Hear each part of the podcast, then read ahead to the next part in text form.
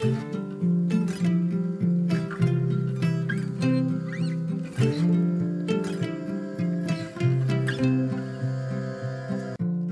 och välkommen till For Health med Anna Sparre!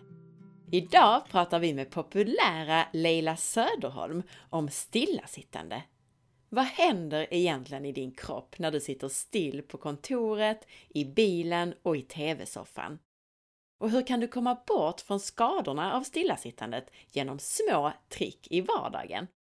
Det får du svar på idag tillsammans med en rejäl dos inspiration till rörelseglädje.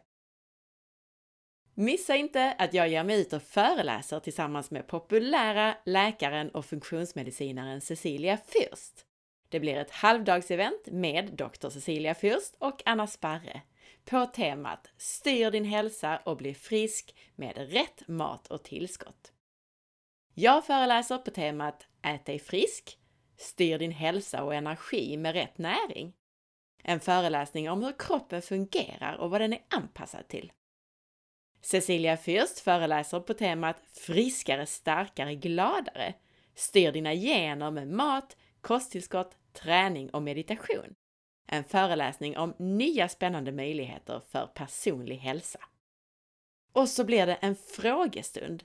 Missa inte din chans att ställa dina frågor till oss. Första eventet blir i Malmö den 7 april.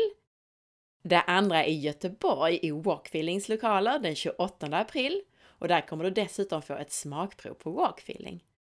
Och det tredje eventet blir i Stockholm den 5 maj. Du hittar biljetter via fliken föreläsningar på forhealth.se. Om du gillar den här podcasten och den gratis information den innehåller så dela med dig till din vän eller familjemedlem eller varför inte på Facebook. Det hjälper mig att få hit intressanta intervjupersoner och hålla podden levande. Tack på förhand! Och så får du inte missa att lämna en recension i iTunes. Mycket viktigt att du gör det här om du vill ha fler avsnitt. Och du vet väl om att du kan ladda ner mina e-böcker via fliken böcker på forhealth.se.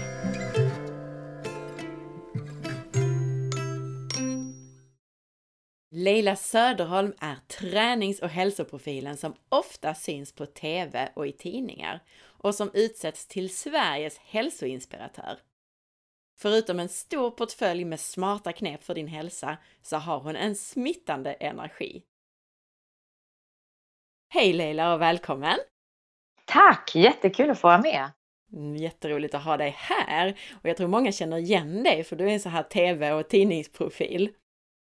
Ja, ja, jag har hängt med nu ett tag. Så. Tjatat hål i huvudet på folk ganska länge nu. Ja, men ändå, det är inte säkert att alla vet vem du är, så berätta Nej. för lyssnarna vem du är och hur det kommer sig att du har blivit svenska folkets träningsexpert. Ja, vad roligt. Och, och, ja, nej, men jag heter Leila Söderholm och jag har då jobbat, jag räknade faktiskt efter häromdagen, för jag brukar säga att jag har jobbat i 20 år med det här, men kom fram till att jag inte alls det. Jag har jobbat i nästan 30 år. Det var att jag har sagt det här i 10 år uppenbarligen. Det var jätteintressant.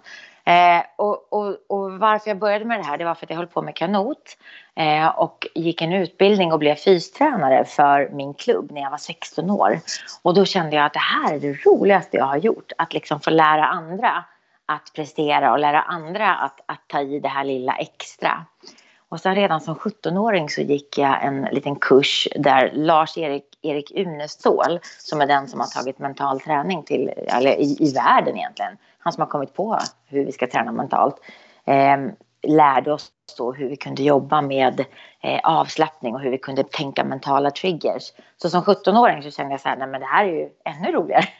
så, så på den vägen är det. Sen gick det ju inte att jobba heltid med det. Eh, så jag hade ett vanligt jobb också. Sen höll jag på med, med träning på, på halvtid och på fritiden ganska länge, både professionellt och ideellt. Eh, men för ungefär 15 år sedan så slutade jag jobba helt med mitt andra jobb och sen dess då så har jag jobbat med att hjälpa människor att må sitt bästa jag eller bli sin bästa version av sig själv i princip. Genom, genom tv, tidningar och, och också eh, ut och föreläser väldigt mycket. Så att jag är jätteglad att jag får göra det här. Jag tänkte att vi ska komma in lite grann på det här med stillasittande idag. Vi ska prata träning också givetvis, men mm. jag vill börja med att fråga lite om stillasittande. Ja.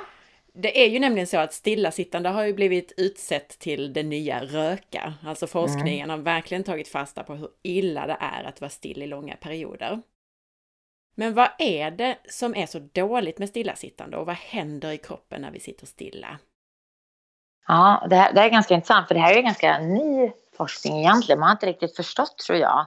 Eh, och jag känner ett tag, jag själv hade nog inte förstått hur dåligt det är att sitta still i långa perioder. Man tänker att man tränar, Eh, man rör på sig och sen så är man still eh, några timmar i följd och tänker att det är okej. Okay. Men nu vet man eh, på grund av vissa studier att även om vi rör på oss så, så ser man att om vi sitter en hel arbetsdag oavsett om vi rör på oss eh, några gånger i veckan eller inte rör på oss så sitter vi över nio timmar då får vi en ökad risk för hjärt och kärlsjukdomar oavsett faktiskt om vi tränar i vanliga fall eller inte. Så just det här att sitta still gör att, att vi får såklart lägre energiomsättning, alltså vi förbränner mindre kalorier.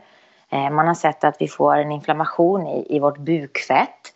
Vi får ett eh, minskat upptag av, av fett i våra muskler, så fettet hänger snarare kvar i våra kärl.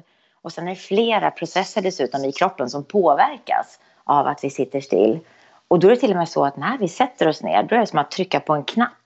Ungefär, ja, man, jag vet inte exakt, men no, några säger 90 sekunder, några säger att det här sker direkt.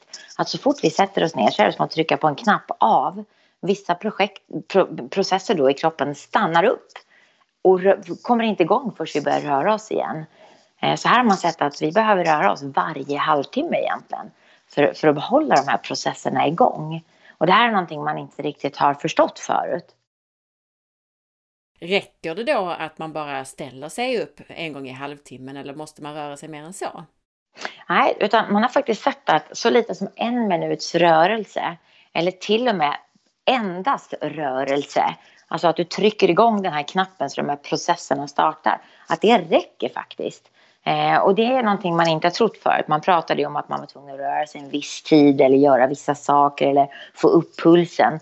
Men nu vet man att det är inte så, utan det handlar om att, att du får rörelse. Att du ställer dig upp och går och hämtar någonting eller att du ställer dig upp och böjer dig och tar i golvet några gånger. Eller att du faktiskt sitter kvar och spänner vissa muskler så att du liksom får igång musklerna för då, då startar de här processerna upp. En sak som du nämner i din nya bok, det är ett enzym som heter lipoproteinlipas. Vad ja. är det för någonting? Ja, lipoproteinlipas, det är just en av de här processerna då som, som stannar upp när vi sätter oss ner. Eh, och lipoproteinlipas finns i våra blodkärl och där åker de omkring nästan som dammsugare och, och delar upp våra blodfetter så att de kan tryckas ut i cellerna. Men när vi sätter oss ner, då stannar de här upp. Då stannar de upp och slutar göra det. Så att helt plötsligt så får vi mer blodfetter i blodet som, som ligger kvar där och som då egentligen ska ut i cellerna. Och lipoproteinlipas påverkas extremt mycket av hur vi rör oss och inte rör oss. Du nämner ett annat spännande ämne också. Alltså det finns ju någonting som heter cytokiner och mm. då har du nämnt någonting som heter myokiner. Mm. Vad är det och vad spelar de för roll när det gäller rörelse eller stillasittande? Ja, och, och myokiner, det är nästan på samma sätt som lipoproteinlipas så är de informationsbärande proteiner kan man säga. Bland annat så, så minskar de fettet kring våra inre organ. Man skulle kunna säga egentligen att de gör oss mer fettfria på insidan. Eh, och det är samma sak här då, när vi inte rör oss, då stannar den här processen upp. Men däremot när vi rör oss, då kan de jobba fullt ut och se till att vi blir mer fettfria på insidan. Så, så just myokiner och lipoproteinlipas, det är två av de processerna som faktiskt stannar upp när vi inte rör oss. Eh, och framförallt när vi sitter still. Det är det. Sen, sen när vi rör oss bara och det går omkring hemma, går och tar en kaffe eller vad vi gör för någonting, då sätter det här fart. Så det är inte mycket rörelse som krävs för att det faktiskt ska bli fart på det här. Okej, okay, så lipoproteinlipas det är ett enzym alltså som faktiskt mm. eh, ska vi säga, använder fett i blodkärlen och så. Och ja. myokiner är en sorts signalsubstans då? Ja, det är, ja, det, jag vågar inte säga att det är en signalsubstans faktiskt, det vet jag inte riktigt. Men det, det, är en, ja i och för sig eftersom det är informationsbärande så kanske man kan säga det, det tror jag du vet bättre. Men, men det, den har information och och framförallt så ser den till vart fettet lagras någonstans. Just det. Ja, men jag tror att det räknas till cytokinerna som är sådana här ja. immunsystemets signalsubstanser så att säga. Ja. Så att allt det här stannar alltså av bara för att vi sitter stilla på vårt kontor. Ja, och när jag pratade med forskare så frågade jag, men är det verkligen så att det stängs av och på? Ja, det är som att trycka på en knapp. Hon menar att det är som att trycka på en knapp av och på. Så, och, och det är också intressant för jag har tänkt i mitt eget liv att jag eh, liksom att, att, bara ställa sig upp. Ja, det är klart det är bra att stå, det vet vi. Men har det verkligen någon effekt att bara ta en paus och gå och hämta någonting? Men, men det har det. Eh, det finns studier som visar till exempel att människor som har eh, en vana att ta en bensträckare en gång i timmen, de har till och med mindre midjemått än de som inte har en vana att göra det. Eh, så, att, så, så att det finns någonting här och framförallt är det just att den här lilla rörelsen blir så stor att vi faktiskt har så mycket värde av den. Det tycker jag är helt fantastiskt. Verkligen. Och jag brukar själv göra som så, det av flera anledningar. Alltså dels för att undvika stillasittandet, men också framförallt för att inte bli så stel i, i en position. Så brukar jag försöka byta sätt att sitta eller stå på och jobba så att jag kan sitta på golvet ett tag och på stolen ett tag och eh, ligga på magen och jobba ett tag, så att man byter ställning. det var jätteroligt. Ja, jag, jag håller med dig, absolut. Många, många varierar och idag har vi blivit väldigt mycket bättre på att stå längre perioder. Men vad man också har sett, det är framförallt, även om stående är väldigt mycket bättre än sittande, definitivt. Det är många olika muskler som är med och jobbar, så, så behöver vi också variationen, att vi böjer på knäna och tar i golvet någon gång. Så att jag skulle säga att ditt sätt att göra gör det helt perfekt ju. Eh, att sitta, att sitta, sitter du på huk också då ibland? Och gör Absolut, det? det? är min ja, favoritställning. Älskar det, det är underbart. Och det tycker jag är så intressant, just huksittande. Eh, någonting som vi i väst, eller åtminstone här i Norden i alla fall, eh, inte använder överhuvudtaget och har tappat förmågan i ganska ung ålder att sitta på huk. Och så, så tittar man i Thailand, där lagar de trerättersmiddag sittande på huk. Eh, och min pappa är arabisk och, och, min farmor hon lagade liksom middag sittande på huk i köket och hade en liten pall där hon hade sin skärbräda. Eh, och satt på huk helt fantastiskt. I flera timmar liksom kunde hon nästan sitta på huk. Eh, och, och, jag kunde knappt komma ner till henne, det var ganska intressant. Eh, så att nej, det är otroligt. Vi, vi, har tränat bort, eller rättare sagt vi har inte tränat bort, vi har eh, slutat göra saker så vi tappar förmågan att göra saker. Det är otroligt. Just, just huksittande tycker jag är en väldigt intressant ställning. Vissa tycker att det är en vilo, viloställning och för oss är det så otroligt jobbigt att sitta på huk. Eh, så att, men vi har blivit bättre på det, även här i Norden. Verkligen, och jag tror många av lyssnarna faktiskt också har blivit det, de har tränat på det. För det allra, allra första avsnittet vi gjorde av den här podcasten handlade om huksittande. Så att det, det passar sant? jättebra att du tar upp det. Ja. Nej, vad roligt! Gud vad roligt! Ja, jag håller faktiskt på med mina barn. Eh, de spelar hockey och då är det väldigt viktigt att man kan komma djupt ner för att få större skär när man, när man spelar hockey. För att om du inte kommer ner i djupet i, i knäna eh, så kan du inte riktigt ta ut skäret ordentligt. Eh, så att jag håller jag, jag var inne och pratade med dem nyss och sa att nu, nu sätter vi oss på huk här allihopa. Eh, och då i början så måste man ju hålla i sig någonting. Och det är helt okej att göra det för att liksom vänja leder och ligament att, att komma ner och också muskler att komma ner i den här positionen. Men den, den är otroligt viktig faktiskt. Något annat viktigt som vi pratade om också, apropå det här med rörelse och stillasittande, som vi pratade om innan vi startade själva intervjun, det mm. var det här med hormoner och signalsubstanser. Ja. Vad händer egentligen med det här vid stillasittande jämfört då med om vi rör oss mer och tränar? Ja, alltså att, att sitta still över taget gör ju dels att vårat, eh, våran eh, tarm stannar av. Vi får liksom inte den tarmrörelsen vi skulle ha om, om vi var uppe och gick eller rörde oss hela tiden. Även om, om det är lite rörelse som vardagsrörelse så rör vi oss ändå och tarmen får liksom hålla igång. Eh, och, och det gör ju att får vi rörelse och tarmen börjar röra sig så får vi också fart på produktionen av, av en hel del hormoner. Så att det påverkar oss extremt mycket att, att sitta still. Inte bara det att vi fastnar i en viss ställning och våra muskler blir stela och vi får muskelobalans, vilket jag ofta träffar på när folk har ont och så, att man har muskelobalans. För att vissa muskler är starkare och vissa är jättesvaga och vi har en liten felställning. Men, men vi påverkas också extremt mycket. Våra hormoner påverkas. Sitter vi still långa perioder så får vi aldrig några endorfiner som kan liksom kicka igång. Och får vi inga endorfiner, ja då är inte receptorerna som, som ska ta emot de här andra hormonerna som gör oss glada och pigga eh, de receptorerna är inte öppna. Så att här handlar det om, som till exempel idag här, jag bor i Stockholm, här var det sol idag. Eh, att bara gå ut och gå ett varv runt kvarteret och få liksom klar luft, lite motion, lite sol mot ansiktet. Det skapar ju endorfiner, även om det är några minuter så gör det det. Vilket gör att, att kroppen blir bättre och, och på att ta emot de här andra hormonerna som gör oss glada.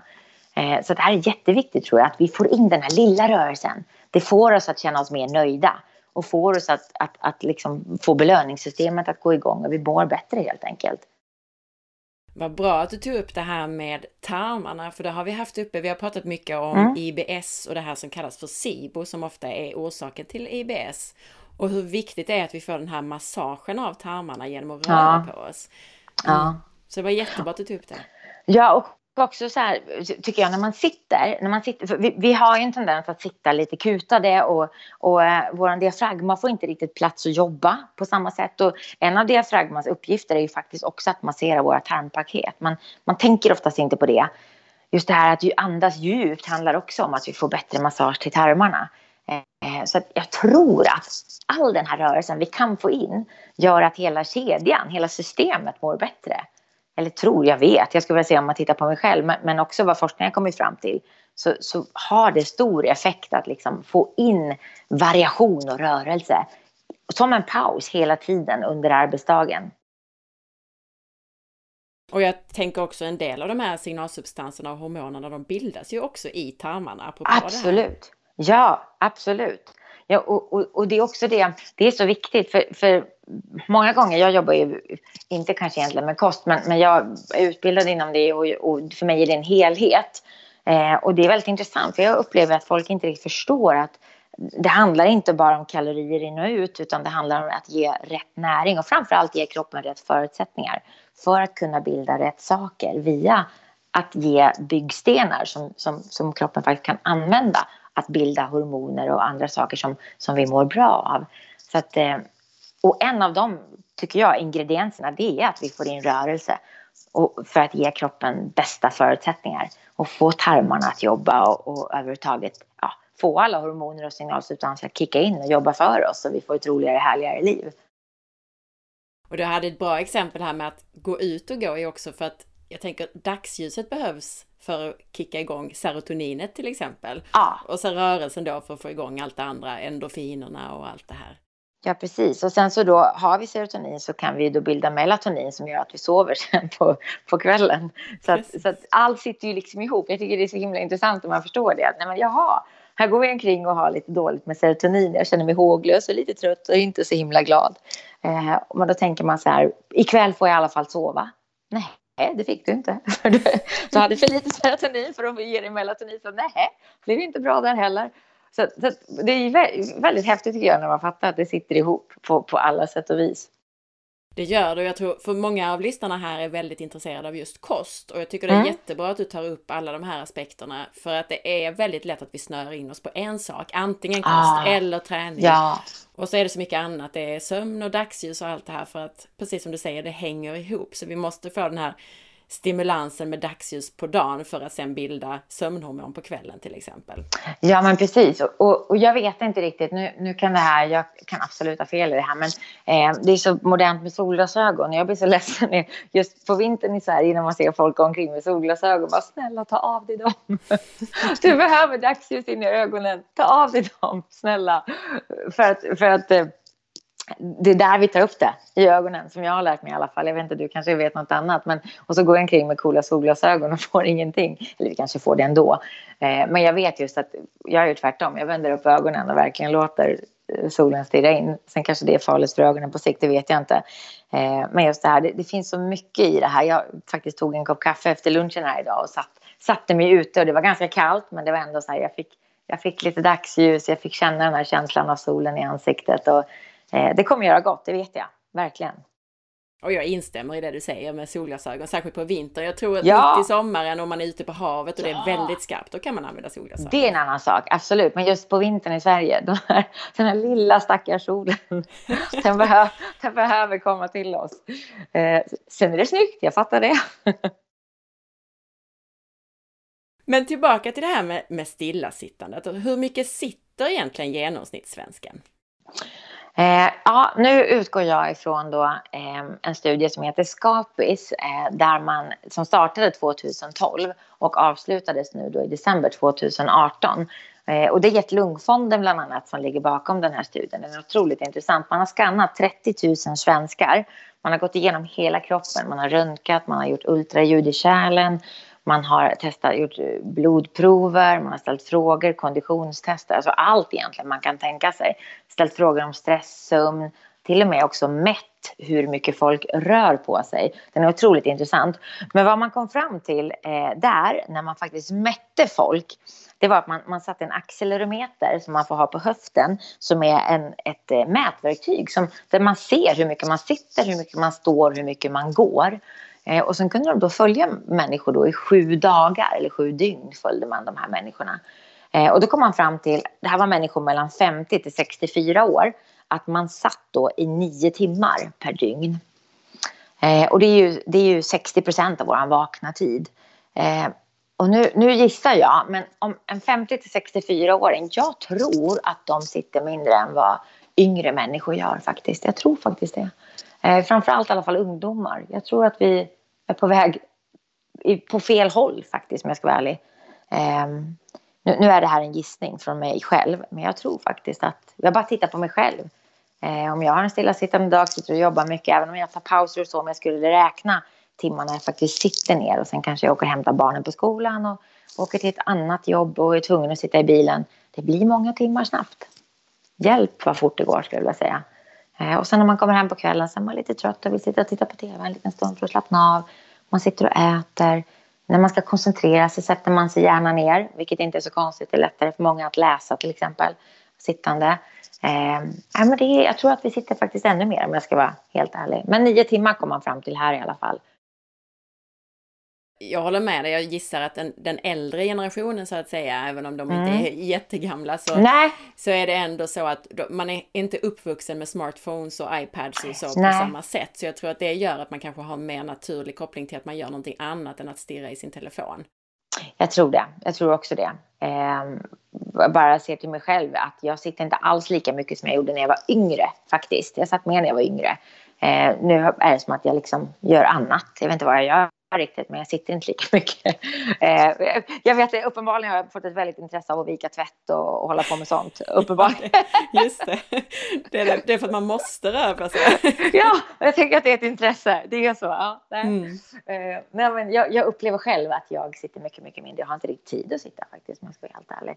Eh, så att, eh, men jag tror någonstans att ungdomar idag sitter väldigt mycket mer än vad vi gjorde. Eller än vad, vi gör nu faktiskt. Och vi, jag är 47. Så jag räknar mig faktiskt till den här lite äldre gruppen.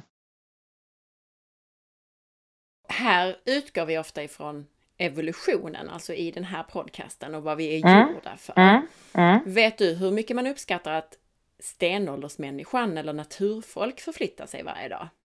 Ja, eh, man kan ju bara gissa då egentligen, men det finns ett folk som heter, eh, jag vet inte hur man uttalar det riktigt, men Hadza eh, Hadza-folket i Tanzania eh, som är ett naturfolk eh, som lever helt utan moderna hjälpmedel. Eh, de jagar, de samlar, eh, de bygger sina hus för hand med egentillverkade verktyg. De gör allt precis då som man, man tänker sig då att vi kanske gjorde på, på stenåldern, eller ja, naturfolket gjorde. Eh, men då har man kommit fram till att de rör sig 15 till 17 000 steg per dag. Eh, och det motsvarar ju då eh, vad blir det, 11 till 12 kilometer motsvarar det per dag. Så att, men sen kan man titta då, för att det här var ju väldigt länge sedan vi var på det sättet och vi har ju under väldigt många år levt som, som eh, Eh, ska man säga, jordbrukare kanske man ska säga. Och då har man tittat på amishfolket eh, som lever i nordöstra USA. Och, och, där lever de som vi gjorde då innan vi fick maskiner och tekniska hjälpmedel. Så de bygger allt för hand. Eh, de eh, använder djur som draghjälp och som, som transportmedel. Men de, eh, de odlar, de eh, är självförsörjande när det gäller kött och sånt. Eh, och de går faktiskt ännu mer. Eh, de går 18 000 steg per dag. Så där ser man att 12 till 13 kilometer per dag går de. Så så mycket rör de sig. Eh, så att ja, vi har rört oss hela tiden på ett annat sätt skulle man kunna säga. Och framförallt lågintensivt. Den här lilla rörelsen som vi mer och mer har jobbat bort i våran vardag. Jag kan inte ens komma ihåg längre faktiskt när jag riktigt så här vispade loss med en visp för hand. Ni vet, så man blev alldeles mör i armen och typ så jag inte kunde använda armen på en liten stund. Man var tvungen att vila för att fortsätta. Jag kan inte ens komma ihåg faktiskt när jag gjorde det sist. Um, för att man gör ju saker med maskiner idag faktiskt. Vi är ju ofta väldigt duktiga tycker vi om vi har fått upp de, ihop de här 10 000 stegen per dag. Mm, så mm. att om vi då pratar mellan 15 till 17 för naturfolk och upp till 18 000 då för amish och jordbrukarna. Det är ju mm. en enorm skillnad jämfört med att de flesta då rör sig mycket mindre än de där 10 000 stegen tänker jag. Ja, ja enormt stor skillnad. Och eh, man, där har man gjort studier. Man gjorde en studie bland annat i Köpenhamn där man lät unga män i runt 18 års åldern Eh, Eh, man drog ner deras steg. De gick ungefär 6 000 steg per dag och så fick de gå eh, 1500 steg, alltså 1500 steg per dag eh, för att se vad som hände över tid. Och då blev det ju, de fick höga blodfetter, de blev trötta, de fick mycket mer bukfetma. Alltså det hände väldigt mycket saker på väldigt kort tid av att dra ner på stegen ytterligare. Så här såg man att även alltså unga friska män påverkas enormt mycket av att, att röra på sig sådär lite. Och då var det ju steg man tittade på. Inte träning i övrigt utan det var ju stegen man drog ner på. Så att, att, att det här har en påverkan på oss, det vet man verkligen. Och jag tycker det är jättebra att du betonar det här för att jag tror att många tänker så här att wow, jag är så duktig för jag tränar tre eller fyra gånger i veckan och sen glömmer man just det här. Vad gör jag resten av tiden? Ja, och, och, och där får man säga tror jag så här, att jag skulle vilja säga att vi har inte vetat. Så att hela branschen har gått ut på, alltså branschen, med branschen menar jag då träningsbranschen och hälsobranschen. Vi har egentligen tänkt att ja, men då tar man en powerwalk och så gör man det och sen får man mysa. Och, så att vi har liksom byggt upp det på det sättet lite grann skulle jag vilja säga. Eh, och där vi också har förringat den här lilla rörelsen. Eh, jag upplever det i alla fall. Sen, sen kanske du har en annan åsikt. Men jag upplevde att man tittar väldigt mycket på liksom prestation och det här ska vi göra. Och, och, bara för tio år sedan så sa man ju att man var tvungen att hålla på 45 minuter för att få maximal fettförbränning. Mycket sådana skrönor som har gjort tror jag och fått oss att faktiskt se som den här lilla rörelsen som, som inte värdefull. Eh, och nu vet man att det inte är så, framförallt att den är livsviktig. Så att nu får vi lära om, nu får vi försöka liksom utbilda och, liksom, eh, och verkligen lyfta den och framförallt se att varje rörelse har effekt. Det tycker jag är så häftigt. Allt vi gör har effekt. Och, och, verkligen fira det. Det gör att vi kan känna oss mycket mer nöjda i vår vardag också. Istället för att gå runt och känna. För jag träffar jättemycket människor som känner att nej men jag får aldrig till det här. Alltså jag får aldrig till träning, jag får inte ens till en promenad, jag får inte till det. Och så går man runt och känner missnöje och, och kanske känner sig dålig. Eh, men om man då tänker att man börjar med det här lilla istället. Då helt plötsligt så kommer man känna större nöjdhet, vilket kanske borgar för att man till slut faktiskt får in mer rörelse och faktiskt till slut får ork. Eh, och, och, och belöningssystemet kickar igång så att du får ork att göra det här lite större som du hade tänkt dig att göra. Jag, jag tror stenhårt på att tagga ner lite och, och börja med det här lilla. För det har ett enormt värde måste jag säga.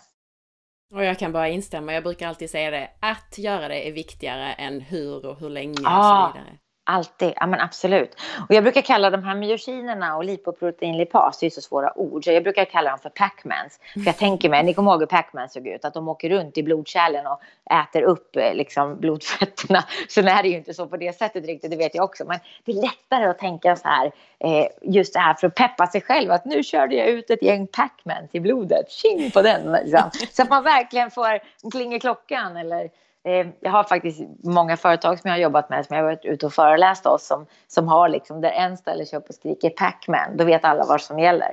Eh, då böjer man sig ner och tar i golvet några gånger eller så går man fram till varandra och liksom, eh, rör på sig framför allt. Eh, och så vet alla att nej, men nu har vi släppt ut lite Pacmans i blodet. Just att man får in det här enkla. Och, och just, det tror jag också är en bra grej, att man hjälper varandra på arbetsplatser, informerar varandra. Det tror jag är jätte, jätteviktigt att det här är bra för vår hälsa och att vi minst varje halvtimme ska ta en paus. Vi hade en sån här minnesmästare här som heter Mattias Ribbing som ja, tipsade, ja, tipsade om det här. Ja. var kul. Han tipsade om eh, den här pomodoro-metoden där man tar en ägg äggklocka och så vrider man upp den 25 minuter och sen arbetar man intensivt och precis när den ringer då tar man fem minuters paus. och sen kör man igen. Mm. Och det passar ju väldigt, alltså det är som handen i handsken med det du Verkligen. säger här. Både då för den fysiska hälsan och för att bli mycket mer effektiv i det man gör. Absolut. Ja, men det är så roligt. Ja, jag har läst om den metoden som han har, han har skrivit om också. Så, jag måste nämna Mattias Ribbing är från Eskilstuna, det är min hemstad. Så jag känner väldigt varmt för honom.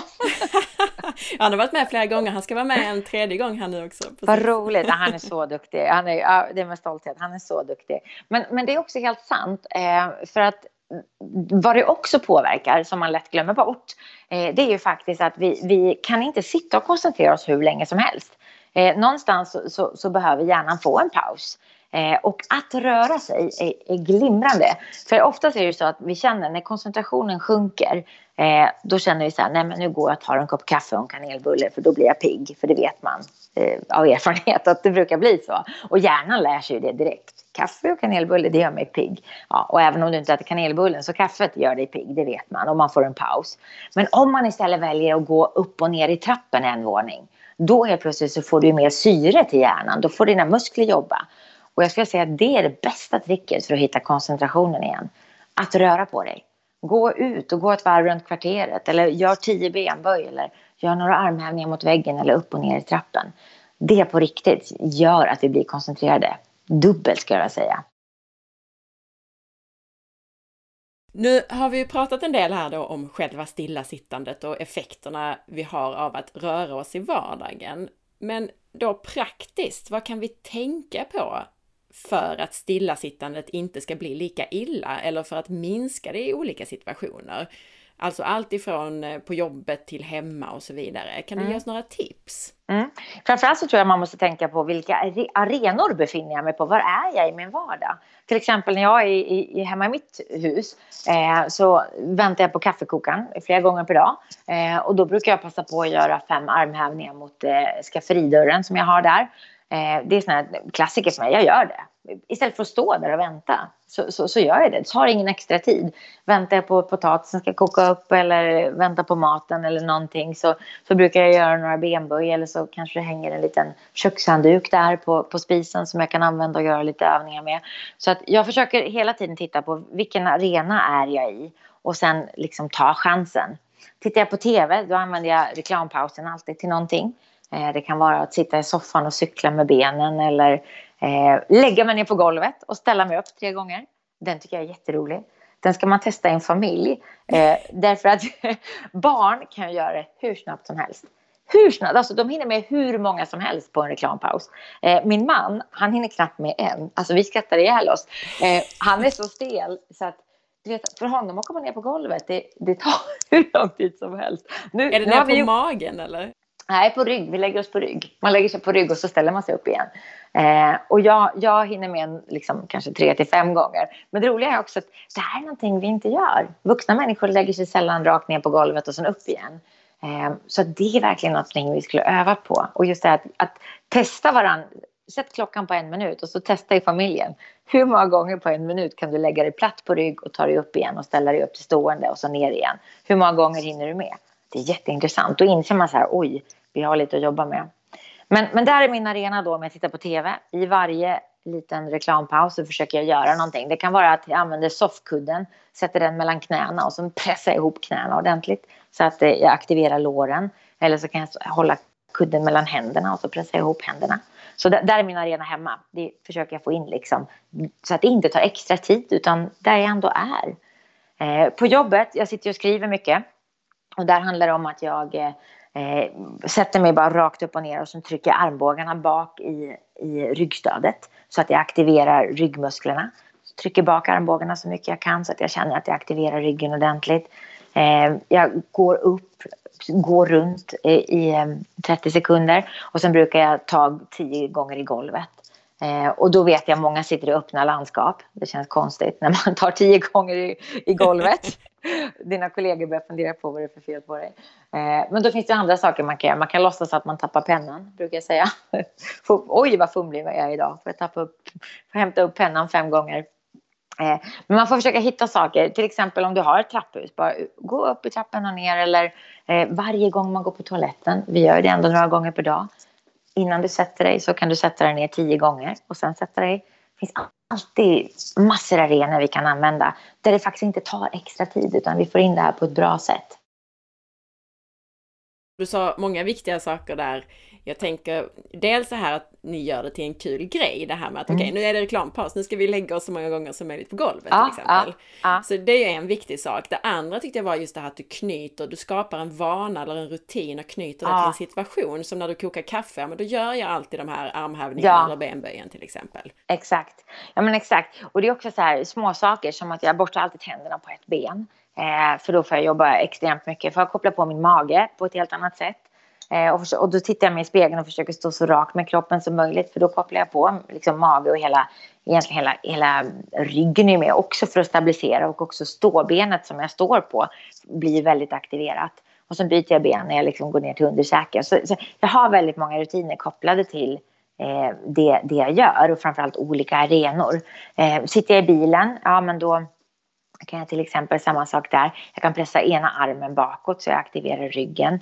Jag kan sätta handen, den ena handen då mellan, mellan eh, knäna och pressa ihop knäna. Eh, jag kan spänna rumpan, behöver jag inte använda liksom något hjälpmedel. Bara genom att aktivera rumpan, det är kroppens största muskel. Om man aktiverar rumpan och spänner allt vad man kan i 10 sekunder så oj, då får man igång muskeln rejält. Det är ganska intressant. Jag brukar göra det på föreläsningar. Folk skrattar ihjäl sig för det, det är jättejobbigt att spänna rumpan. Man tänker liksom inte på det. Eh, så det finns många olika arenor som man, man faktiskt liksom kan, kan få igång kroppen väldigt bra på. Och jag tänker också om man, om man reser mycket, man kanske åker buss eller man eh, åker bil eller flygplan eller vad man, man nu är på. Där också går det ju att använda, till exempel går det att använda sätet framför. Att du bara pressar upp ditt ben. Om höger ben till exempel, då pressar du upp benet mot sätet framför för att aktivera framsida lår. Sen tar du samma ben och så pressar du benet bakåt mot din egen stol. Då aktiverar du baksida lår. Så kan man sitta där och smygträna. Och så får man jobba lite, man får jobba lite med ansiktet, det är det som är så roligt. För att man ser inte klok ut om man håller på att spänna ansiktet. Då blir folk rädd för en och det får man inte hålla på med. Utan då måste man tänka på att slappna av i ansiktet och, och, kanske le lite grann. Jag tänkte på den här glada personen som sitter i flygstolen framför också som får ja. en fot i, eller knä ja, i ryggen. Precis. Ja, precis. Nej, och det är inte så utan du är under, du är under, eh, för det är under benet ah. som du trycker upp så att det är inga, du får inte störa någon annan. Nej, nej, utan det här är helt i smyg, det är jätteroligt. Eh, så det finns väldigt liksom, många olika sätt att framförallt, och när vi flyger, vi behöver få igång muskelpumpen, vi behöver få cirkulation. Det är därför vi har stödstrumpor för att hjälpa kroppen att, att pumpa tillbaka blodet upp till hjärtat. Och att röra sig på det här sättet och liksom jobba med fotleden och sitta och vicka med fötterna och trycka ner tårna, trycka ner hälen. Eh, det gör att vi får en naturlig muskelpump igång. Eh, så det är viktigt av andra anledningar också. Men det är ett väldigt enkelt sätt att göra det. Eh, och jag brukar säga att du ska kunna smygträna på det här sättet när du sitter med din bankman och förhandlar om ditt lån eller vad du gör. Du får jobba med facet bara. Liksom. Du ska kunna sitta och spänna rumpan var du än är i löneförhandling med din chef eller var ja, jag tänker med tråkiga möten, särskilt de här lite för långa tråkiga mötena som ja, man ja. känner att det här ja. var helt onödigt. Då kan man ju utnyttja det. Jag brukar säga att man kan utnyttja det till en andningsövning, men man kan ju också spänna sätesmusklerna så som Gud, du säger. Ja. Absolut, och sitter man till exempel eh, sitter på en stol så kan man också sätta händerna på låren precis strax ovanför knäna sätter du handflatorna och så trycker du rakt ner. Eh, då aktiverar du magen på ett sånt otroligt bra sätt. Eh, jag har till och med testat så här och, och smygtränat mage så att det, rin, det rinner en liten svettrenil i, liksom, i ansiktet. Så folk undrar, Gud, vilken, vilken knasboll, här sitter hon och svettas. Eh, men det är väldigt roligt faktiskt vad man kan göra. Och sitter man vid ett bord sätter man bara handflatorna på bordet och så trycker man händerna rakt ner mot bordet. Eller om du är i soffan så har du en kudde i knät som du trycker liksom emot. Eh, men det finns väldigt många olika arenor och jag roar mig ofta att räkna ut om jag gör det här vad blir det då på ett år? Och där tycker jag det absolut mest intressanta kommer. Om jag till exempel går eh, i trapporna när jag kommer till jobbet på morgonen, kanske det är två våningar som jag har att gå i trappor. Och sen går jag, för jag ska ut och käka lunch, så går jag i trapporna en gång till. Så låt oss säga att jag får ihop fem minuters trappor varje dag. På ett år, då blir det 30 timmars trappträning. Alltså det är magiskt mycket. Visst är det coolt? 30 timmar. Och det innebär också då att när du ändå är ute kanske och äter lunch. Om du då också går ett varv runt kvarteret så du får tanka dagsljus. Tar ingen extra tid direkt annat än kanske 10 minuter. Eller låt säga att det är 5 minuter, det är inte mer, det är 5 minuter. Då har du 30 timmars promenadtid extra du kan lägga på din årsbasis. Så när man börjar titta på det sättet, jag tycker det blir så otroligt roligt, då fattar man att det är klart att det har effekt. För det här är 30 timmar du inte skulle få om du inte gjorde det. Men här fick du dem helt gratis och det tog ingen tid. Det var ju jättebra att du hade de här tipsen för just bilen och flyget. Där tänker man ju annars just bilen, särskilt när man måste köra, att det är så svårt mm. och att det, mm. det, där är man körd, men det är man ju inte.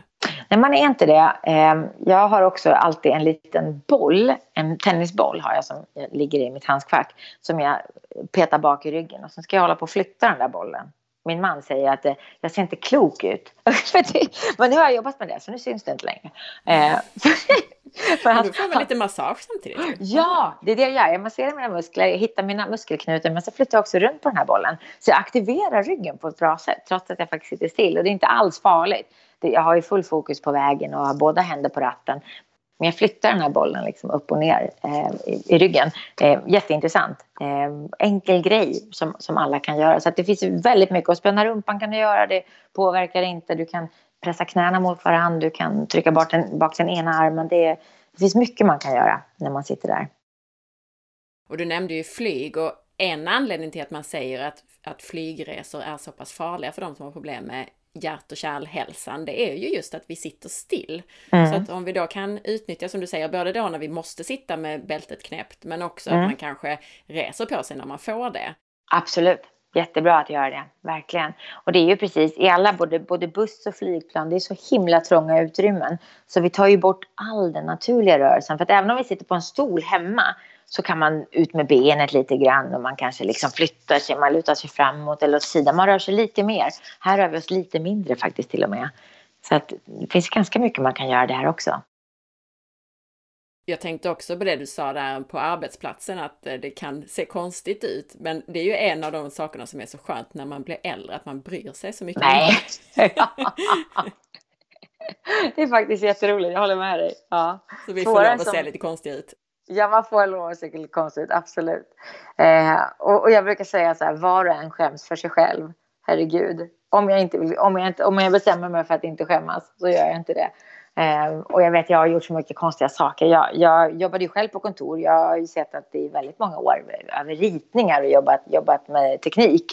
Eh, och, och då, när jag hämtade ritningar i vårt ritningsrum, då hoppsade jag i sidled alltid. För att jag kände att det här var så otroligt dåligt för hållningen att sitta över en ritning. Och sen satt vi still väldigt länge. Och jag kände att jag mådde så himla bra av att hopsa. Jag vet, det var, det här var jättelänge sedan, så det fanns ju inga belägg för det. Jag bara vet att jag mådde bra av det. Eh, och mina jobbarkompisar, de, de blev ju vana med mig till slut. Liksom, för jag var bara typ 24 år, 25 någonting. Eh, att jag gjorde det här. Men min chef, han blev helt tokig på mig ibland. jag hoppsade omkring. Men, men jag sa det till honom, jag gör ju det inte när det, när det är kunder här såklart. Det är bara när vi är här. Eh, men, men det är väldigt bra. Och stod jag vid kopiatorn så stod jag och gjorde sån här spark i rumpan med benen. Eh, eller bara tog sidosteg. För jag kände att det var helt onödigt att stå där. Eh, så att jag har hållit på med det här väldigt, väldigt länge och inte riktigt fattat vad jag gjorde om jag ska vara helt ärlig. Utan jag kände bara att jag mådde så otroligt bra av det. Jag blev koncentrerad och piggare och gladare av det helt enkelt. Ehm, så det var livsnödigt för mig att göra det helt enkelt. Och nu har du gett bra tips både för jobbet, hemma och då är det viktigt också att knyta det till någonting så man inte glömmer bort det. Mm. Och sen på resan, alltså i bilen, bussen, flyget mm. och så vidare. Jag tänker en annan sak också. Många spenderar ju mycket av sin lediga tid på olika sociala tillfällen, alltså mm. släktkalas och middagar och så. Mm. Vad ska man tänka på där? Ja, men det tror jag att man ska tänka på beroende hur väl man känner folk och vad man känner att man vill göra. Det är svårt kanske på en restaurang att sätta sig och, eller ställa sig och göra benböj helt plötsligt. Så det tror jag också så här, ta en paus, gå och hämta ett glas vatten. Eh, när du sitter där vid bordet, använd bordet, för du har oftast ett bord om vi är på en tillställning. Tryck händerna rakt ner mot bordet, handflatorna i, så du aktiverar magen. Tryck armbågarna bak så du sätter igång ryggen ordentligt. Eh, och varje tillfälle du kan egentligen, ställ dig upp. Eh, passa på när du går på toaletten eller visa folk. Det är också det är intressant här. Folk vill väldigt gärna få tips. Det upplever jag i alla fall. Jag bara, kolla här vad man kan göra för att spänna magen. Kolla. Och så visar jag. Och helt plötsligt har en hel fest, liksom, sitter en hel fest på att spänna magen. Det är ganska roligt. Eh, så det är också så, be folk ta rygg på dig. Jag tror att man ska göra det mycket, mycket mer än vad man gör. folk blir jätteglada och inspirerade när man gör det. Eh, och, och, då blir det också lättare att få till själv. Om man är den som är sammankallande. Nu kör vi hörni, ja det gör vi. Och så gör man. Så att jag tror att det handlar om samma trick hela tiden. Att försök att få in det, ta pauser. Känner du att det är pinsamt, ja då väljer du andra saker. Men försök att entusiasmera folk och få folk med på tåget. Det tror jag är jätte, jätteviktigt. Ett annat tips just när det kommer till släktkalas, det är ju att minst en gång under den sammankomsten hänga med de minsta barnen och göra ja, som dem. Ja, För de brukar ju ligga på golvet, sitta på huk, hoppa runt. Alltså det gör någonting med dem en liten stund så får man en bra bra paus. Ja, absolut, ja. Och det är också något jag ska tipsa om. Dels hänga med barn, det är världens bästa. Eh, och leka på barns sätt, det är också jätteroligt. Och det gjorde jag mycket när mina barn var, jag har tre barn. Och när de var små så, så lekte jag väldigt mycket med dem och gjorde lekar som fick mig att röra mig aktivt hela tiden. Men en annan sak som är väldigt bra, det är faktiskt att dansa. Eh, och att, att jag brukar, ja men dels hemma, jag bara dansar en låt lite här och där. Tokdansar, ni vet så här som man gör när ingen ser en. För det är otroligt bra. Idag har jag dansat två gånger. Eh, och ser inte klok ut verkligen. Men, men jag blir jätteglad och sen så är det otroligt bra rörelse för hela kroppen. Eh, så är det så att det, det kommer dans på den här tillställningen, då kan du passa på att dansa några timmar på kvällen där. Eller, eller faktiskt, jag brukar ha en spellista som går eh, när jag sitter på kontoret, som jag har i öronen. Eh, och, och, när en viss låt kommer så har jag bestämt mig för att den låten är min rörelselåt. Så då gör jag någonting. Antingen är det dans, så dansar jag lite om det inte är någon där. Eh, är det folk där, då gör jag någonting. Så det är också en trigger jag har. När den här låten kommer, då betyder det för mig, gå och rör dig.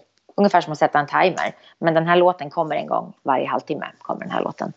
Jättebra sätt att göra det på.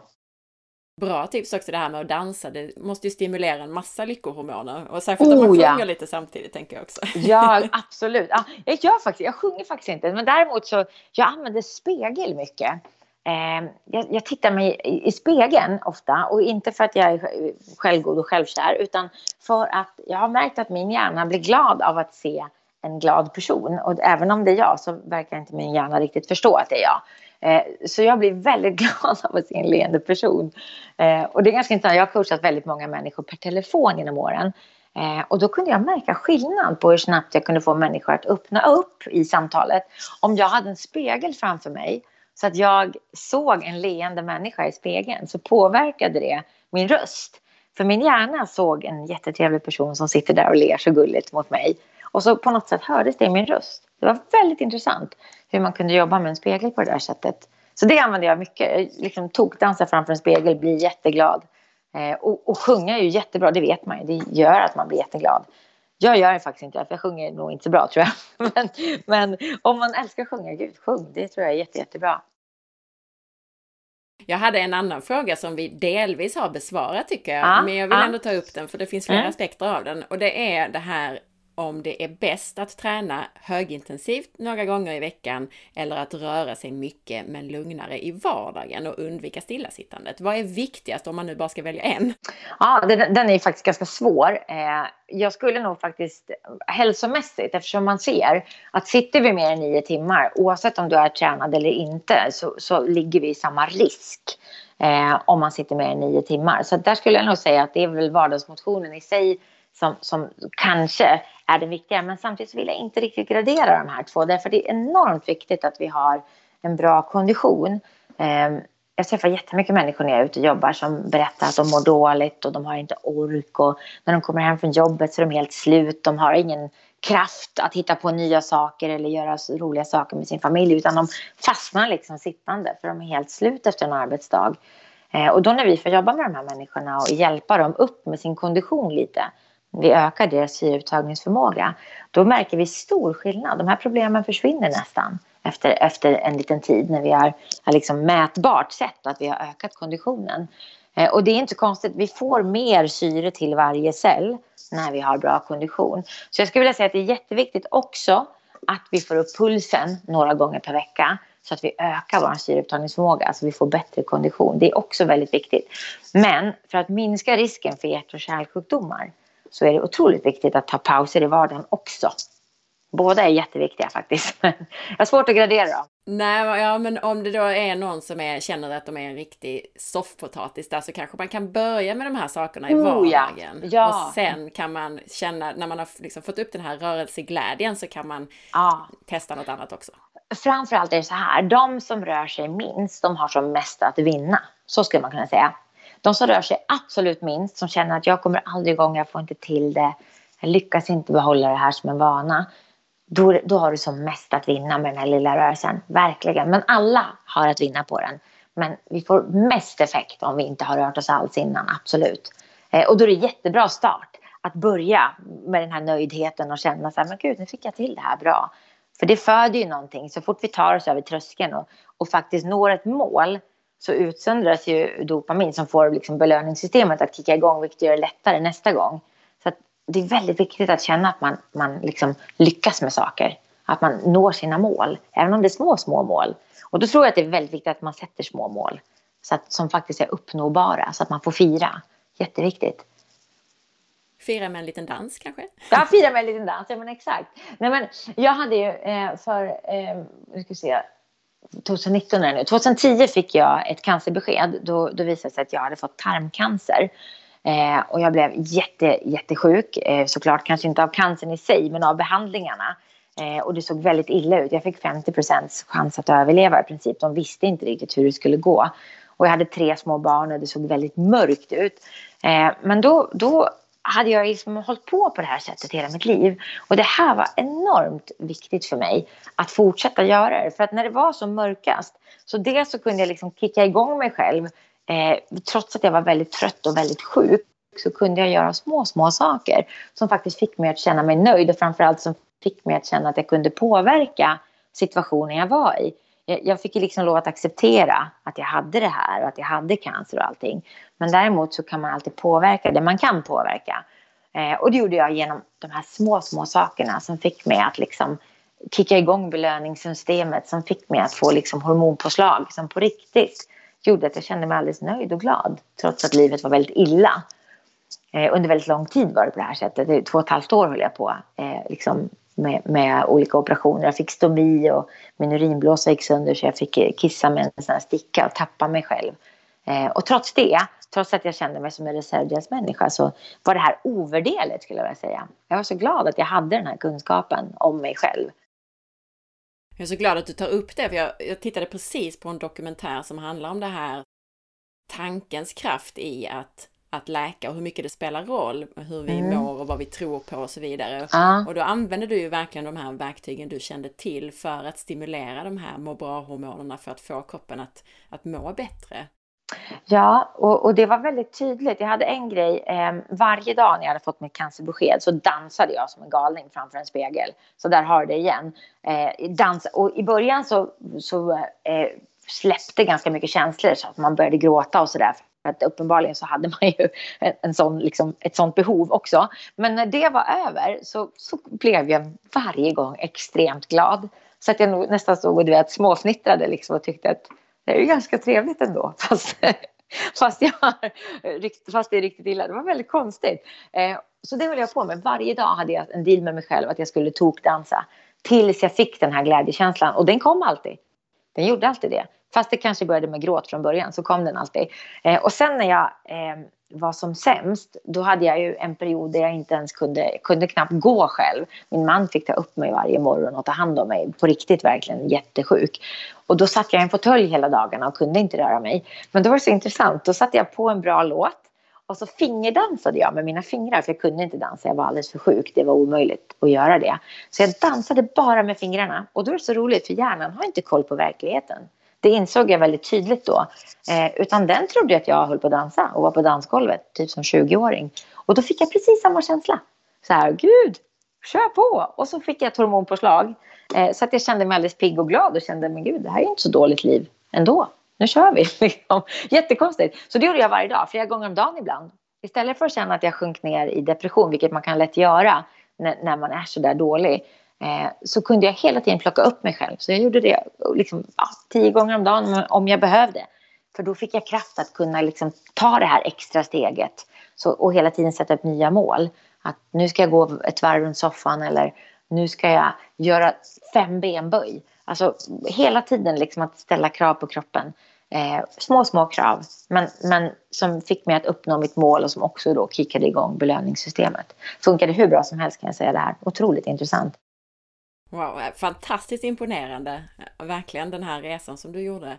Tror du att det spelade roll för ditt tillfrisknande i längden också? Alltså att du är här idag och är frisk? Mm.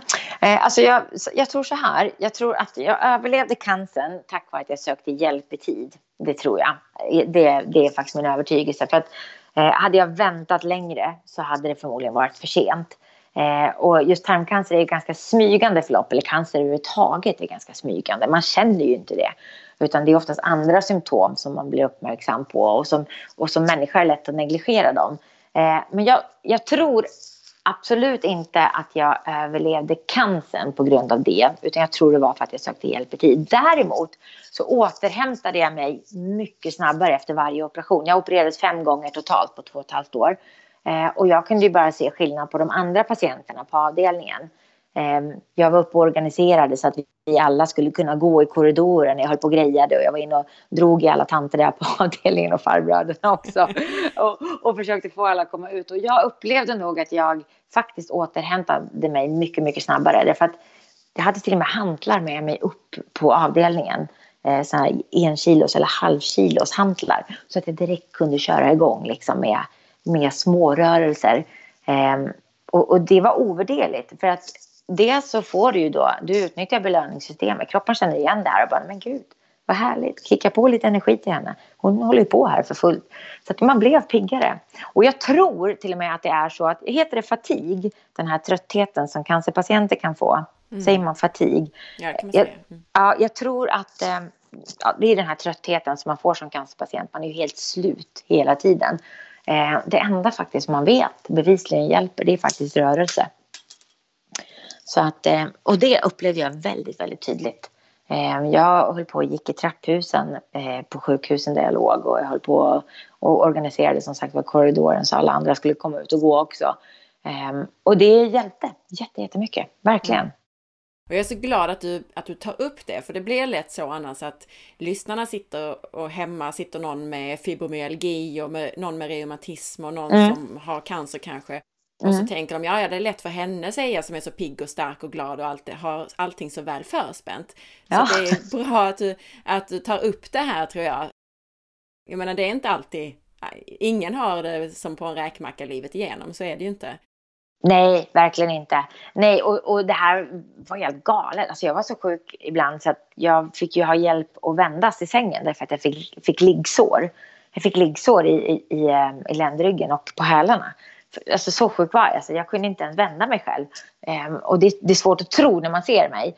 Eh, och om och om igen så, så hände det saker. Min tarm sprack bland annat så jag fick åka in igen och göra om samma operation. Och det hände så mycket saker. Så att, eh, det var verkligen många år. Jag är fortfarande med än idag av det här. Det är bara att jag låtsas inte om dem. Inte ens för mig själv. Eh, för jag tror stenhårt på att hjärnan har ingen aning om verkligheten om inte jag talar om den för den. Den vet inte. Jag, jag blir så, så otroligt fascinerad av det. Den verkar inte ha koll på liksom, vad som är sant eller inte. Så att jag väljer att liksom inte bolla upp det som ett problem. Utan, eh, jag har inte stomi dock, det eh, ska jag säga. Det har jag inte och jag kan kissa. Jag behöver ingen sticka längre och det är ju jättekult. Och jag har inte cancer och det är också jättekult. Eh, verkligen. Men jag har haft jättejobbiga år. Jag hade dessutom tre små barn. Min minsta hade inte ens fyllt två när det här inträffade. Eh, så att eh, det, var, det var en tung period men samtidigt så eh, hade jag enormt mycket nytta av. Att jag vet hur man kickar igång belöningssystemet och att jag vet att, att det viktigaste man kan göra är att ta ett steg framåt. För dag två så kan du ta två steg framåt och dag tre tre steg. Alltså, va, varje krav vi ställer på kroppen gör att vi, vi faktiskt kommer framåt. Den, den svarar direkt när vi ställer krav på den, oavsett hur dåliga vi är faktiskt. Det är väldigt häftigt. Och du tog också upp det här med humöret då kopplat till att röra på sig och det finns ju numera en massa studier på att det både förebygger depression att röra på sig och ah. man kan till och med behandla och bota depression med rörelse. Absolut. Absolut. Det finns väldigt mycket, väldigt mycket bevis på det idag. Eh, väldigt mycket evidens på det och, och, och, jag kan bara skriva under på det att det, det är verkligen så. Eh, men det är svårt ibland ja, och det är jag medveten om. Jag visste ju så tydligt eh, och här tror jag vi måste bli bättre på att hjälpa varandra. Eh, alltså jag tänker, ja, men dels i relationer på arbetet, att man eh, krokar arm med varandra och hjälper varandra. Jag tror vi måste göra det i mycket större utsträckning. Att liksom nu, hörni, idag så går vi ett varv runt kvarteret. Ja, det gör vi. Och så liksom att man hjälper varandra och också om man är sjuk att vi medmänniskor då förstår hur ovärderligt det är att den här personen faktiskt får komma ut och röra på sig. Och att det är så enormt tungt att dra lasset själv. Så man behöver någon som puttar lite eller någon som bara krokar arm och drar. Det tror jag är jätteviktigt att vi förstår. Jag tänkte också att vi ska hinna prata lite om din nya bok. Ja, men vad kul. Ja. Smygträna är ju titeln på den. Ja, vad menar du med smygträning? Och smygträning är någonting eh, som... Eh, det, från början var det faktiskt en Facebookgrupp som, som jag startade för att jag föreläser mycket. Och då så kände jag att jag pratade just om det här att smyga in träningen när du väntar på annat. Eh, jag har en grej till exempel som jag brukar använda själv och det är att varje gång jag går in i köket då har jag dagens övning som jag måste göra i köket. Och då kan det vara tricepspress mot en stol. Och då ska jag göra tio stycken varje gång jag går över tröskeln. Eh, och jag går in i köket ungefär 15 gånger per dag. Så jag får ihop 150 tricepspress på en dag. Det är jättemycket. Det är liksom helt galet. Det är som att man har träningsverk och känner sig nej, nu tänker inte jag gå in mer idag. Nu tänker försöka vara utan mig för att det, det är så pass mycket. Och så går jag igenom hela kroppen på en vecka. Och det har jag hållit på med i många år och det har jag haft med i min föreläsning. Och då så startade jag en Facebookgrupp som heter Smygträna för att jag ville att människor skulle tipsa varandra om hur, vad gör du för smygträning? Hur smyger du in träning hemma? Och smygträning är just för mig då det här som man kan göra medan man ändå väntar på annat. Eh, antingen att ingen ser vad du gör eller att du gör saker när du ändå liksom har en liten viloperiod eller eh, där du ändå har eh, en, en, en sak som du ska göra och som du vet att nu häller jag i riset och så kommer det ta några minuter innan det kokar upp och då kan jag göra det här. Så för mig är det smygträna. När du, gör, när du väntar på annat och kan smyga in saker helt enkelt. Och vad bra tips det här med att göra det just när man går in i köket. Därför att jag vet de som, som går hemma ibland på dagarna att det är så svårt att låta bli kylskåpet. Ah. Om man då bara kan liksom sitta på fingrarna brukar jag säga en minut i alla fall och ah. ta ett bättre ah. beslut än att man bara går direkt på första instinkt. Och då tänker jag om man då till och med ska göra några armhävningar innan så är det ju ännu bättre. Vet du, det där var jätteroligt att säga för det ringde en tjej. Vi har applicerat det här på många företag som vi har jobbat med och så ringer en tjej och, och berättar för mig att det här är jättebra. Jag bara, jag vet. Hon bara, nej, du fattar inte. Det är ännu bättre än vad du tror. Och så berättade hon att när hon satt då på fredagskvällarna i, i, framför tvn i sin soffa och var lite sugen på något gott så gick hon till tröskeln och så bara kände hon, nej, jag har gjort 200 benböj idag. Jag orkar inte 10 till. och så backade hon ut. Hon sa till mig, hon bara, det är det bästa jag går inte in i köket längre. Och jag bara okej. Okay. hon bara nej, jag äter inte alls lika mycket. Och det hade faktiskt inte vi tänkt på. Så det var, du, där måste jag säga att du var snabb verkligen. För att det, det var den här tjejen som uppmärksammade det. Att nej, men det är bra åt många håll. Och det är det faktiskt. Väldigt bra. Men då är alltså smygträning det här som vi egentligen pratade om där för att ja. undvika stillasittandet i de här olika situationerna? Ja men exakt. Och, och, just det här någonting som du kan göra utan att du behöver byta om, utan att det tar tid, utan att det, det finns liksom en mur som du ska försöka klättra över varje gång. Det är så pass lätt. Och här får man också lägga sin egen. Är det fem eh, tricepspress eller armhävningar eller benböj, då gör du fem. Eller två, det räknas också. Just det här att det är väldigt tillåtande, jag gillar det jättemycket. Om vi då skulle summera dina viktigaste smygträningstips, hur skulle du mm. göra det? Nej, men jag tror att det är framför allt att förstå och också lägga värde i att allt du gör räknas. Precis allting vi gör räknas. Även om det är den här lilla, lilla bensträckaren där du går och hämtar en penna som du har lagt ifrån dig på bordet, så räknas den. Och att, att vi verkligen ser det som någonting av värde och också firar när vi gör det. Där vi känner så här, vi klappar om oss själva lite och, och säger till oss själva att vad bra du var. Och just att vi, att vi också hittar de här, är det när du väntar på kaffekokaren eller är det när du har stoppat in koppen i eh, kaffeautomaten på jobbet. Det tar en liten stund för kaffet att fylla på. Du hinner fem armhävningar. Jag har klockat allt sånt där. Jag vet att man hinner det. Eh, mot väggen. Du behöver inte ens gå ner på golvet. Eh, men just de här små, små enkla och också så här, när man sitter och jobbar och känner sig okoncentrerad. Gå upp och gå i trapporna. eller gör tio benböj. Försök att liksom få igång kroppen på något sätt för då får du mer syre till hjärnan. Men jag tror att det är just det här att man förstår att det här lilla blir något väldigt stort i slutändan. Och räkna gärna ut vad det blir på ett år. Man blir väldigt glad när man ser de siffrorna. Om man tänker att då man vill ta nästa steg och kanske ha ett trän litet träningspass på, jag vet inte, 5, 10, 15 minuter mm. hemma. Ja. Vad är då viktigast att tänka på eller få in i sin träning? Ja, framförallt det viktigaste är ju att se till att det blir av. Eh, det är väl det absolut viktigaste först. Och också så här, eh, gärna tror jag göra det om du har möjlighet så snabbt som du kan när du kommer hem. Det är lätt att man helt plötsligt bara, åh det blev väldigt viktigt att diska eh, den här byttan som jag inte har diskat eh, på, på fem dagar som står på bordet. Helt plötsligt blir det jätteviktigt att göra det just nu. Man hittar ju bara grej efter grej efter grej som man måste göra just nu. Så gärna göra det direkt eller gärna direkt på morgonen om man har möjlighet. För det ser man att det är alltid lättare att få till. Och sen tycker jag att man ska göra det väldigt enkelt. Välj fyra basövningar. Det kan vara benböj, att man sätter sig ner på en stol nästan och ställer sig upp igen och så gör man det tio gånger. Det kan vara armhävningar mot väggen eller armhävningar på knä. Eh, det kan vara rygglyft, att man lägger sig på golvet och lyfter ryggen. Och det kan vara att man står och springer lite lätt på stället. Och så gör man tio av varje i tre varv. Just det att vi får med hela kroppen eh, och att vi får upp pulsen lite grann. Och att man gör det väldigt, väldigt lätt. Så att det kanske bara tar 5-6 minuter. Och så börjar man där och känner att man är så glad och stolt och firar att man gjorde det. Det tror jag är jätteviktigt, att vi firar mer. Och, och, hur man firar då? Jag skulle säga att fira är att sträcka upp armarna mot himlen och göra sig väldigt stor som djuren gör. Och, och verkligen liksom göra en sån här power pose kallar man det. För mig är det att fira, för då spars den här känslan väldigt starkt. Så jag tycker att det är lättare att göra det igen om du firar ordentligt.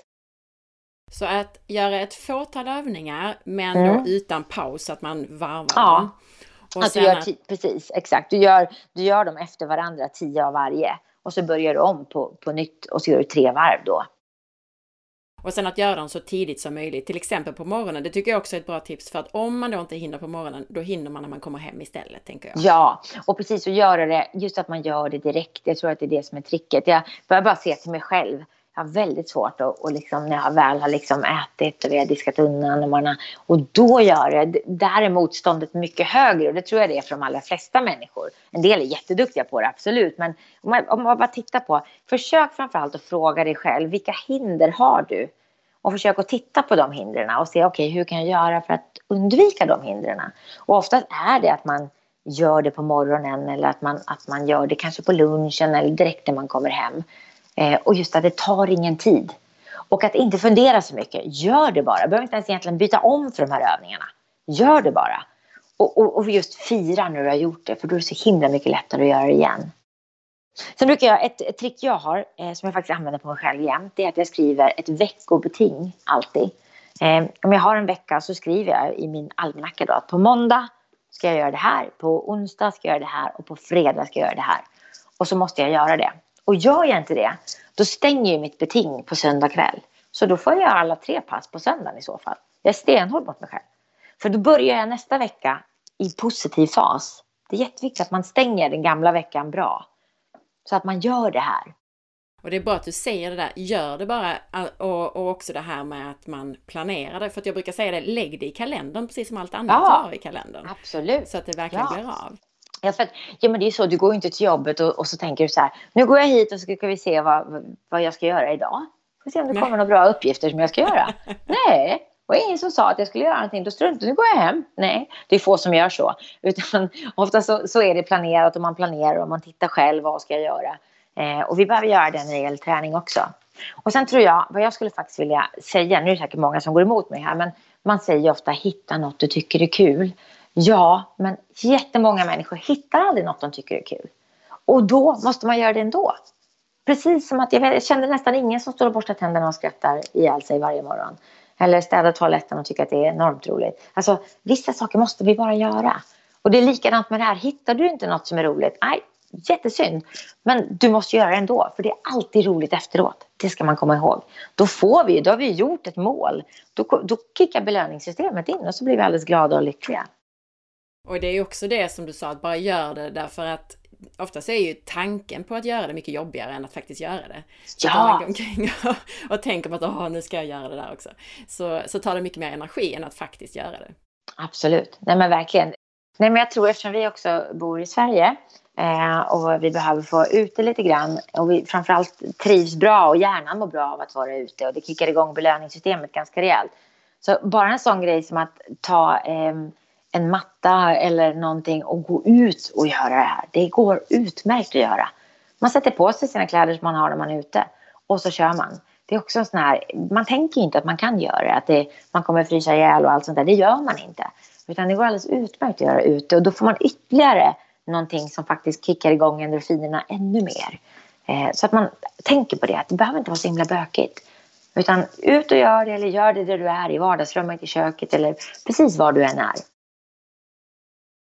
Min nästa fråga var hur man hittar tiden till att träna och det har du egentligen besvarat väldigt väl här. Det, mm. gör man ju när man väntar på kaffekokaren och så. Absolut. Ja, och jag tror någonstans jag tror så här, mitt kortaste pass har varit två minuter. Eh, och då gäller jag hade liksom ambitionen att köra ordentligt, men så, ja, som det blir ibland, tre barn och, och grejer, så det gick, fick, gick, inte, gick inte. Och istället för att strunta i det så gjorde jag två minuter, jag kommer så väl ihåg den här. Och sen firade jag som en galning att jag hade kört två minuter. Så hjärnan ser inte skillnad på, den såg ju inte mig som en misslyckad person för det. Snarare tvärtom så kände den så här, gud du äger. Och jag ägde verkligen mina två minuter. Liksom, så att man, man har det med sig. Att, att fira och kicka igång allting på det här sättet. Det är jätteviktigt. Nu har vi pratat om oss själva, men vi nämnde ju det här med att ju yngre man är, ju mer stillasittande kan det vara att man är. Mm.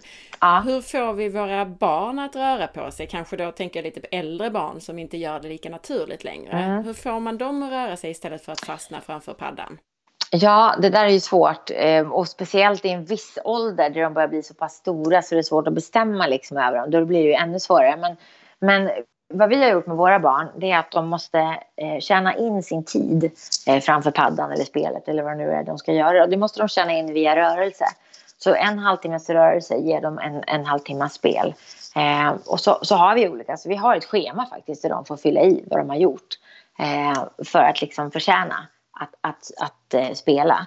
Eh, och sen försöker vi som sagt göra såna familjegrejer. Var, varje faktiskt kväll så har vi så här fem minuter, vi drar ihop alla.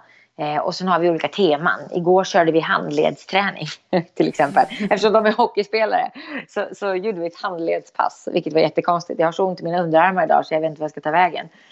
Eh, så vi försöker liksom aktivt hjälpa dem, för det är jättesvårt, det är jag fullt medveten om. Och sen gör vi faktiskt så att vi har helt spelförbud eh, mellan ja, ungefär första maj till eh, första oktober. Har vi in, får de inte spela alls faktiskt. Eh, och jag vet att det är svårt, jättesvårt, men för oss så kändes det som att det var det enda rätta. Eh, för då kan vi vara ute på ett annat sätt. Men det som krävs tror jag faktiskt att man har ork som förälder att försöka hjälpa dem. Och här tror jag också att man måste vara medveten om att i en viss ålder så blir det helt plötsligt viktigt för dem att känna sig lite snygg och lite stark och allt det här. Och då får man, även om man kanske inte älskar den motivatorn, så måste man ändå liksom, allt som motiverar är bra. Och då får man hjälpa dem med det. Kanske följa med dem på gymmet och se till att de kommer in i det här och, och faktiskt bejaka vad de har för motivator just då. Eh, det tror jag är jätteviktigt, att man fångar dem där de är. Men tycker du att det funkar? Det är inte så att det blir tvärtom, att de ser det som att det blir bara en plikt att röra på sig när man måste, ska vi säga, tjäna in sin speltid till exempel? Jo, men så kan det säkert absolut bli. Men, men det kan vara svårt tycker jag. Vi försöker röra oss mycket i familjen och vi gör saker tillsammans, absolut. Eh, men, men det är fortfarande så att jag tror att eh, man har mycket igen om man lär dem att göra på det här sättet det är klart att det, det, blir en plikt för dem och de tycker att det är tråkigt och man får tjata. Och, och sen är alla olika individer. Jag har ett barn som vi får tjata jättemycket på och en som man inte behöver tjata på. Så, att, så, att, så är det absolut. Men jag tror att man någonstans måste visa att det här är så vi gör. Punkt. Det här är viktigt för oss. Precis som jag är noga med att de går och lägger sig eller borstar tänderna eller äter bra eller vad det nu är. Så det här är det vi gör. Vi måste få in rörelse. Eh, och sen tror jag också att man behöver utbilda barn, förklara och, och jag har till exempel visat barnen, jag vet inte om du känner till Bunkerflo-projektet. Eh, Just det, det har jag hört om ja. Mm. Ja, där man lät barn som gick i ettan till tredje klass, eller första till tredje klass, Eh, de fick jumpa varje dag. Eh, och sen så har man då följt de här barnen upp till nian. Och där tittar man på hur de presterar och hur många som hade fullgoda betyg. Och då ser man väldigt, väldigt tydligt att de barnen, för alla, de hade ju en, en kontrollgrupp också som inte hade gympa lika ofta utan de hade gympa två gånger i veckan. Eh, men de barnen då som hade gymnastik fem gånger i veckan, eh, de presterade mycket bättre på alla sätt och vis. Eh, så man vet eh, att det är så. Eh, man vet att det är jätteviktigt att man får in rörelse dagligen som barn.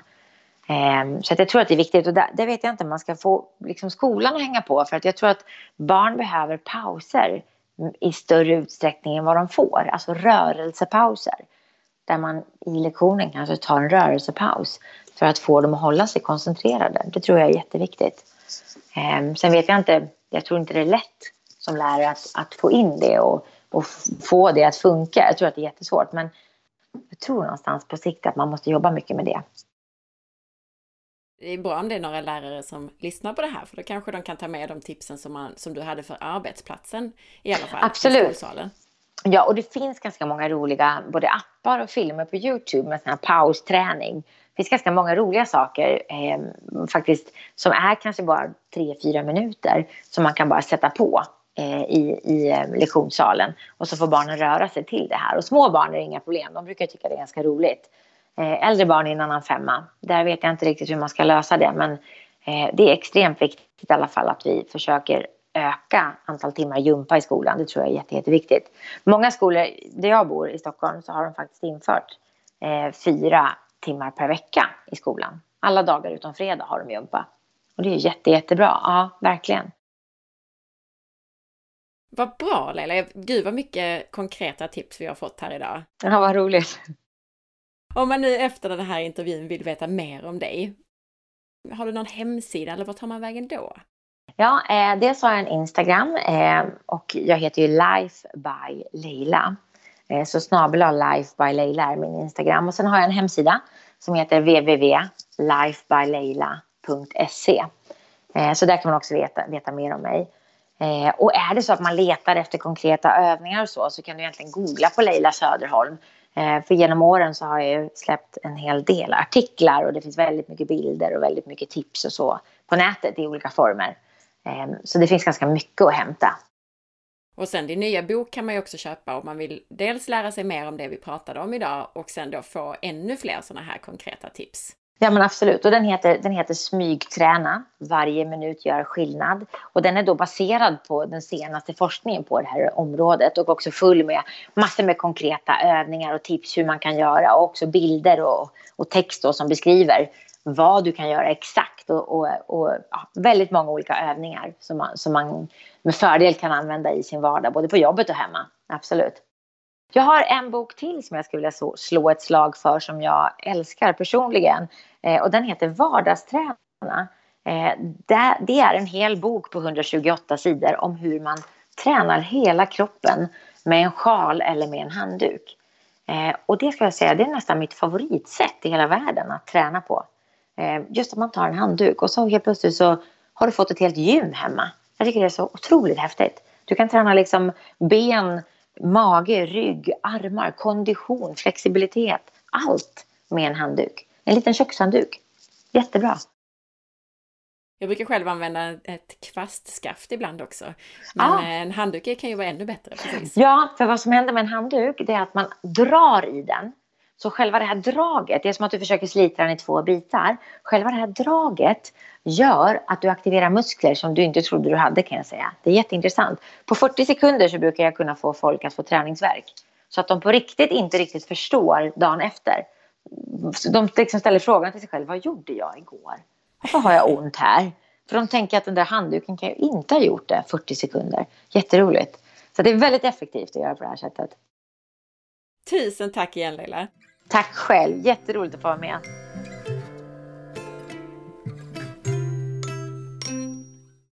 Tack för att du lyssnade! Jag hoppas att du gillade intervjun. Om du gillade podcasten så glöm nu inte att dela den och tipsa andra.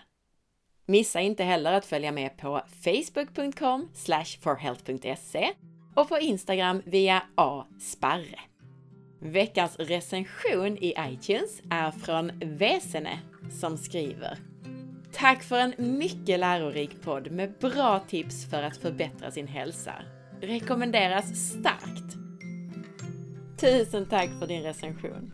Ha nu en riktigt fin dag så hörs vi snart igen. Hejdå!